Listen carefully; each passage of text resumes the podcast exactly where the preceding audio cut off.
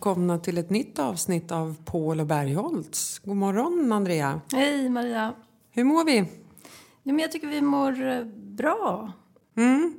Ny vecka, nya utmaningar. En del har börjat gå på lite sommarledighet kanske. Mm, Men precis. inte vi. Nej, Nej. det där, jag hamnar ganska mycket i så här, ah, när ska du ha, när ska du ha semester och sådär. Det där är ett så ständigt eh, problem för mig. Mm. Jag att får jag, också att jag inte frågan. planerar min semester och att jag aldrig har koll på att jag ska vara ledig. Jag tror att det finns en ovilja i att vara ledig. Jag vet inte vad jag Mm. ska göra med tiden då. Men också att eh, det är svårt att vara ledig som egenföretagare. Mm. Folk ju ska en- ha sina löner fast det är semesterledighet och fakturer ska godkännas och hyror ska betalas och så vidare. Ja, och man ska ju också gärna säkerställa att man har jobb efter en semester. Exakt. Men idag tänkte vi prata lite om det här med permittering och lite arbetsmoral. Jag är lite nyfiken på vad, hur det är med oss svenskar eh, idag som är permitterade och hur vi har det med arbetsmoralen helt enkelt. Mm, men det, det är intressant tycker jag. Därför att någonting förändras såklart. Om man tänker sig att man eh, har fyra till sex månaders ledighet och så lite semester på det och så. Det man tänker är väl kanske att det kan bli lite utmanande att komma tillbaka. Det tror jag också. Jag- tycker att det här med permittering är det är ett fantastiskt stöd som vi får av staten. Jag tycker det är mm, otroligt generöst och bra på, på alla möjliga håll. Men jag kan också se en fara med det. För att sitta med full lön i stort sett och jobba en timme om dagen för att sen komma tillbaka i full kareta efter sju månader med, med dig i bagaget så att säga. Varit ledig i sju månader, fullt betalt och sen ska du in på åttonde månaden och börja jobba. Hur funkar det tror du med människan? Ja, men eh, det jag tänker på är väl att eh, det är ju egentligen en ganska konstgjord andning. Jag håller med dig, jag tycker att det är en bra lösning. Men det ställer ganska höga krav på individen. Ehm, att inte tro att det handlar om semester. För någonstans ska man ju också ha ett jobb att komma tillbaka till. Så det här du säger att ja, men man går ner och så jobbar man en timme, en och en halv timme om, om dagen. För att man har rätt till det.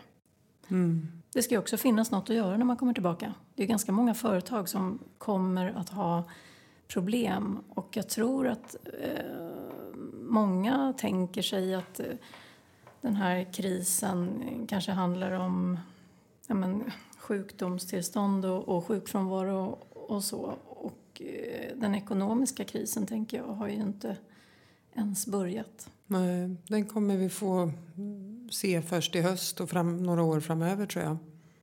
Men jag vet ju också när man har varit på vanlig semester i fem veckor och kommer tillbaka till jobbet. Då är det ju jag med många som tycker att oj vad svårt det var att komma igång. Och då har vi varit lediga i fem veckor.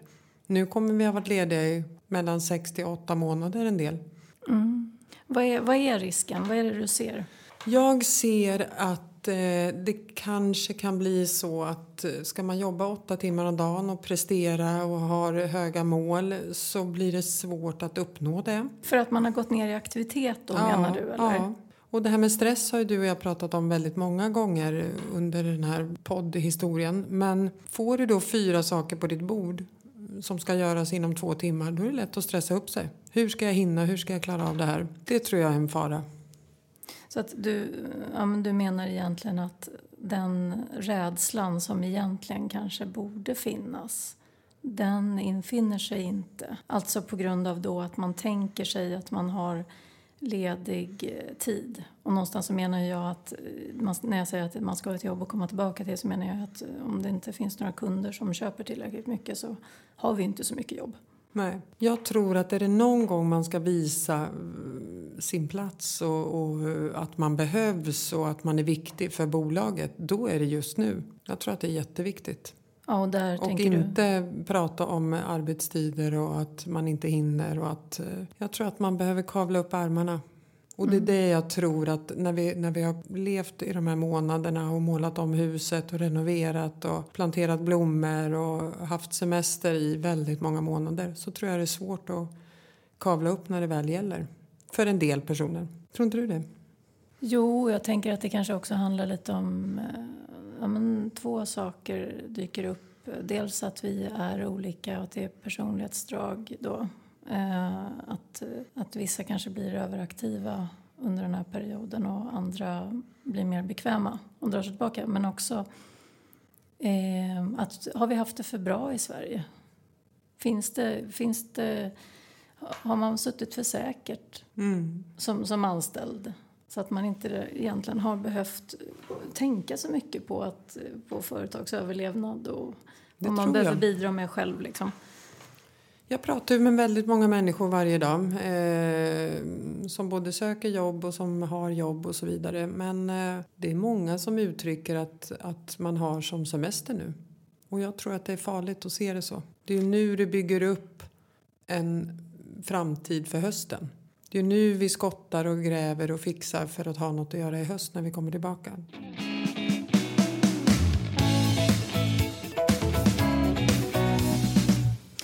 Jag kände när du sa så här nu att, eh, att det här med semester, att det känns som då kände jag en så irritation som så gror i mig. Mm. Att jag blir så här provocerad. Och jag undrar om det handlar om det här jag inledde med att säga att jag själv har så svårt att säga att jag ska ha fem veckors semester och planera för det. Ehm, därför att det innebär ledighet och så. Och att jag, jag blir, så jag blir så lite provocerad på att man kan ta sig friheten i att känna sig så ledig. Mm. Det stör mig. Jag håller med. Varför då, Maria? För Varför att vi, blir du? Jag tror att, jo, för att det ligger så långt ifrån dig och mig. Vi är egna företagare, vi jobbar, vi sliter och eh, har ett annat mindset än, att, än det vi just pratade om. Tror du inte? Ja, det kanske då egentligen handlar om en frihet som man inte får själv. Och då vill man inte ge det till någon annan. Då känner man så här...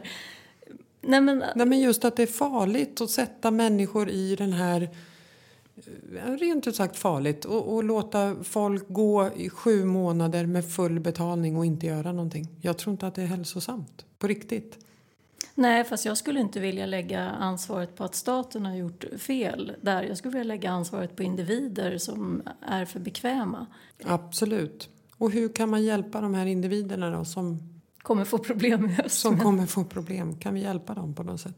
Nej, men det är väl med insikt om att det inte är någon annans problem. Det är det jag tänker lite på. Vad är det som provocerar mig? Ja, men det är den här förmågan att luta sig tillbaka och lite tänka att någon annan löser. Mm. Alltså då löser i form av att kunden finns kvar eller att, det kom, att man har jobb oavsett att man sitter säkert. Sådär. Att vi kanske har haft det tryggt i Sverige så det, det, det finns en grundtrygghet i det som, som stör mig lite grann. Mm. För den är ju lite konstgjord. Men du, har du några tips eh, till mig då, då som, som har medarbetare som kommer tillbaka i höst? Eh, hur kan jag säkerställa redan nu att Alltså vi, vi som är ledare och chefer idag, hur kan vi säkerställa att vår personal är eh, fit for fight i september-oktober? Kan vi göra något redan nu för att säkerställa det? Mer än en tydlig kommunikation? Ja, men eh, jag tror ju som alltid att mycket handlar om att eh, ställa frågor och få andra människor att tänka och eh, vilja och göra själva att inte servera lösning. Därför att den där lösningen som serveras, de där lösningarna ändras så fort hela tiden. Så att någonstans behöver vi vara självgenererande.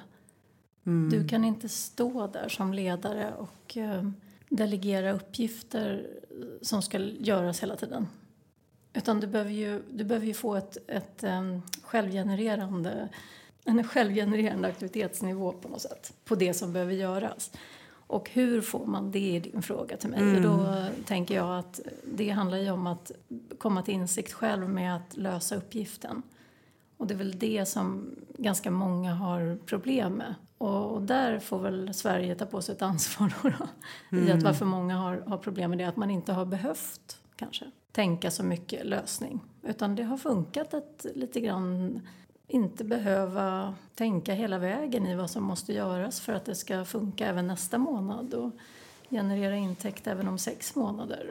Sådär. Mm. Men jag gillar det här du säger att det är, det, är, det är inte ledaren, det är inte Sverige, det är inte staten som ska ha det här ansvaret utan det är faktiskt upp till varje individ. Jag tycker det är viktigt. Varför tycker du det är viktigt? Vad är det du saknar?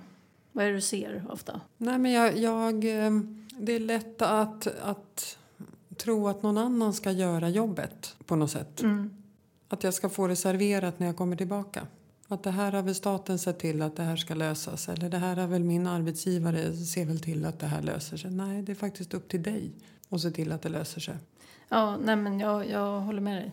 Jag håller med dig. Bekvämlighet eh, är ju eh, något jag inte riktigt kan stava till faktiskt. Jag hade min, min gamla chef sa, sa till mig, så det är faktiskt roligt. Hon sa till mig så här, Gud sover du så med balkongdörren öppen på vintern? och typ så här, det, det, det är liksom madrass på golvet. och det är lite pinnstolar och sådär. Ja, man kostar inte på sig så mycket mer. Så mycket mer. Och jag har skrattat åt det där och det har återkommit för det finns faktiskt, det är lite relevant alltså. Bekvämlighet är ju inte, och det är ju inte, det är inte bra det heller. På något sätt när det går till Nej, över... det måste väl vara en, finnas en balans som i allt annat. Eller hur? Lagom är väl bäst. Ja, men och det är väl det som är svårt va? Men det är det som är svårt.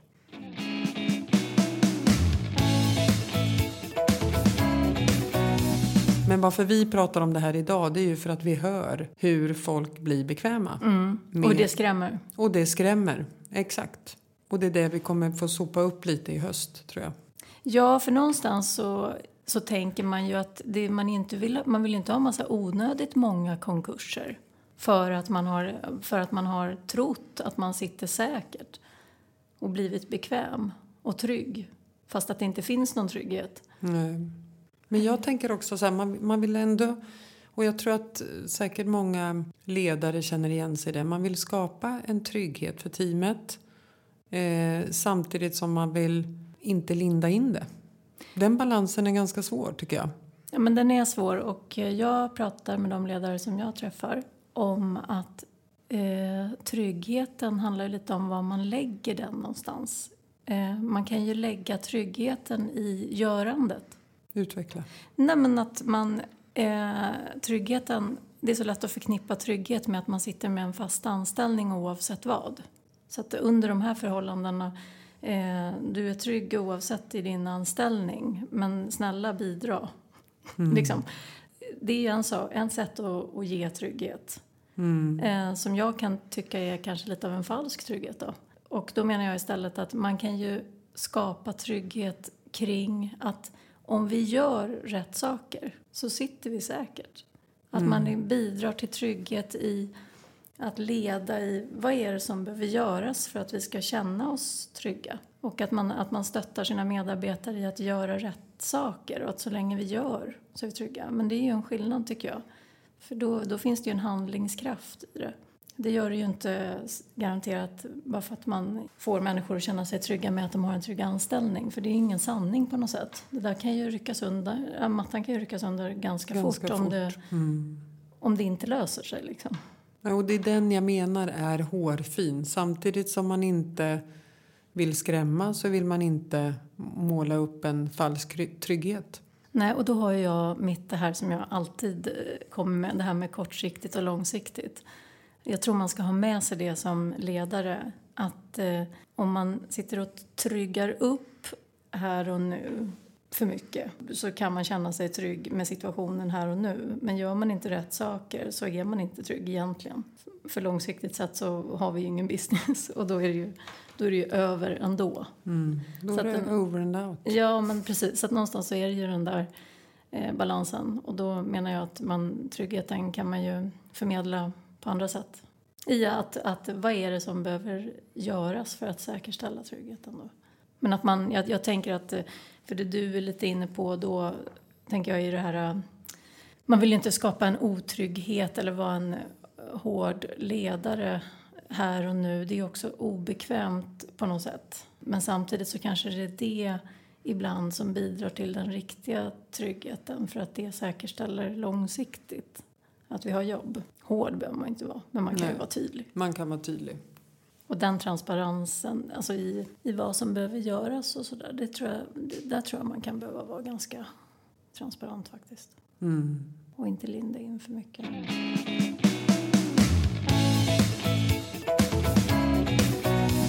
Men vad tror vi då, för, för att runda av lite det här med arbetsmoralen. Har den blivit sämre? Jag tror för jättemånga tror jag det har det. Jag tycker det känns så. Det är jättesorgligt egentligen. Att man, ja, nej, ja jag, jag håller med. Eller den här generationen eh, som våra barn är i, den, kan ju, den är ju väldigt påverkad av det här. De har ju idag kanske inga jobb utan skulle ut på sitt första jobb. Och då kan man ju höra ibland att nej, det är ingen idé att söka för det, det är corona. Ja, det är ju Där- ganska bekvämt va? Det är ganska bekvämt och där vill man ju inte heller hamna. Att det, att det, det blir något slags så här, att man skyller på corona. Men gud, ingen- men gud vad jag tycker det skylls på corona. Mm. Alltså på riktigt, vi måste gå in lite i det här. Men alltså Ja. herregud. Alltså det är ju allt ifrån en leverans som blir sen. Mm. Då är det alltid corona. Mm. Och jag kan ju tycka så här, ja fast det är inte riktigt korrekt va? För Nej. att, för att väldigt många har fått väldigt många fler timmar på sig tycker de också. Och, så att jag vet inte riktigt, jag har ju blivit lite sådär att jag går in i lite såhär, ja men gud, vad är det som gör det då? Är det teknikproblem eller? alltså så här, för det, det, där, det där stör mig. Och det där kommer vara mycket ursäkter Ja, det länge jag framöver. också. Ja, Det är mycket vi inte kunde ta tag i på grund av att det var- det var corona. Eller hur? Mm. Tror jag. Och jag tänker så här i, i, vårt jobb på Insight Competence som, som, där det handlar om att ta kontakt med väldigt mycket person, många personer. Den är ju lättare nu på grund av corona. För att folk svarar faktiskt på mejl. Det gjorde de inte för fyra månader sedan för då satt de fullsåkade med jobb. Svara på mejl mellan ett och halv tre. Eller? Typ. Ja, men de svarar i alla fall. Det, det Ja. upplever vi och det pratar vi mycket om i, i, i vårt team att vi får faktiskt svar på våra mejl. Det är vi inte alltid vana vid. Så, så då upplever många att de har mer tid att lägga då egentligen? Mm. Ja, att man, man, man har inte lika mycket att göra vilket gör att du kan svara på säljare som ringer och vill sälja in massa olika saker. Mm. Men det skrämmer mig det här med att, att corona blir en bortförklaring. Nej, jag nådde inte mina mål den här månaden men det är ju corona. Ja, och det är så mycket som kommer att, att hänga i eh, efter. Allt, det, det är jag helt övertygad om. För det är ju, det, människan vet ju inget bättre än att lägga ansvar utanför sig själv. Det är ju Mm. det bästa vi vet att hålla på med. Och inte se oss själva liksom utan det Som är alltid någon, nej, det är Ja. någon annans fel hela tiden. Ja, det, precis. Det finns alltid yttre Sådana har vi omständigheter. träffat många genom våra år, Andrea. Det är aldrig dens fel. Det är alltid någon annans. Ja, ja precis. Jo, men verkligen. Och nu, nu när vi pratar om det här så kommer jag att tänka på också när vi är i en krisperiod så här så kan man ju också se ganska tydliga tendenser på att våra eh, liksom, latenta känslor och värderingar som vi har kommer fram lite tydligare. Nu. Ja, men eh, alltså så att vi inte har samma utrymme i att bädda in saker och ting. Utan men lite som du och jag sitter här och är ganska provocerade av bekvämlighet. Mm. Det där kan jag hålla ihop ganska mycket annars. Att jag någonstans här, ja men folk får väl vara bekväma liksom. Det är väl inte riktigt mitt problem. Nu kan jag känna så här, men för helvete, alltså du kanske skulle vara lite mera rädd va? Mm. För det är det jag det här med permittering. Det betyder ju att arbetsgivaren har inte jobb till dig. Du är inte behövd. Du är inte behövd just nu. Det är ju ingen jätteskön känsla, tänker jag. Kan något skrämma mer? Och då blir det ju fel när man då, när en del tänker att gud det är så himla skönt att ha semester. Det är ju den där tanken att, som man vill försöka vända på, på folk. Att man bör vara mera rädd när man är permitterad. För det är ju ett tecken på att vi har inte beläggning för att sysselsätta dig. Nej men, alltså, men så är det ju. Men jag brukar också alltid tänka så här tillit till processen. När jag blir lite frustrerad. Om jag vill att andra ska förstå någonting eller sådär. Du, du var lite frustrerad där och tänkte så här, man vill ju att, att människor, att svenskar ska förstå. Säger du? Ja, att ta eget ansvar. Mm. Eh, om jag blir lite provocerad så, så brukar jag tänka så här tillit till processen. Alltså att eh, det brukar bli ganska tydligt. Det brukar bli så att de, det som inte överlever, det får ju konsekvenser liksom.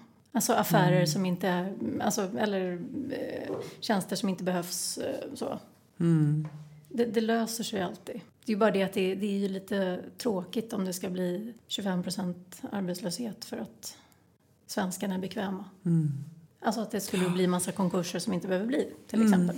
Så med det sagt, ska vi runda av lite grann och faktiskt eh, ge lite tips om att bli inte för bekväma. Luta er inte tillbaka för mycket. Är det någon gång ni ska visa er plats så är det nu. Det är bra. Är det en uppmaning eller? Ja, uppmaning kanske också är till oss själva. Så här, luta er tillbaka lite grann. Jorden snurrar ändå. och allting verkar ju bara fortsätta så att vi kanske, vi kanske ska liksom bli lite lata, Maria. Vi Ska kanske vi ska... bli lite lata? Ja, jag tänker att det är vi som kanske borde så här, tagga ner lite grann. Ta ett halvårs semester och se vad som händer. Fan vad skönt. Vilken det kommer gå åt helvete om jag gör det. Det, det kan jag säga. Ja, det, det är är det- inget alternativ.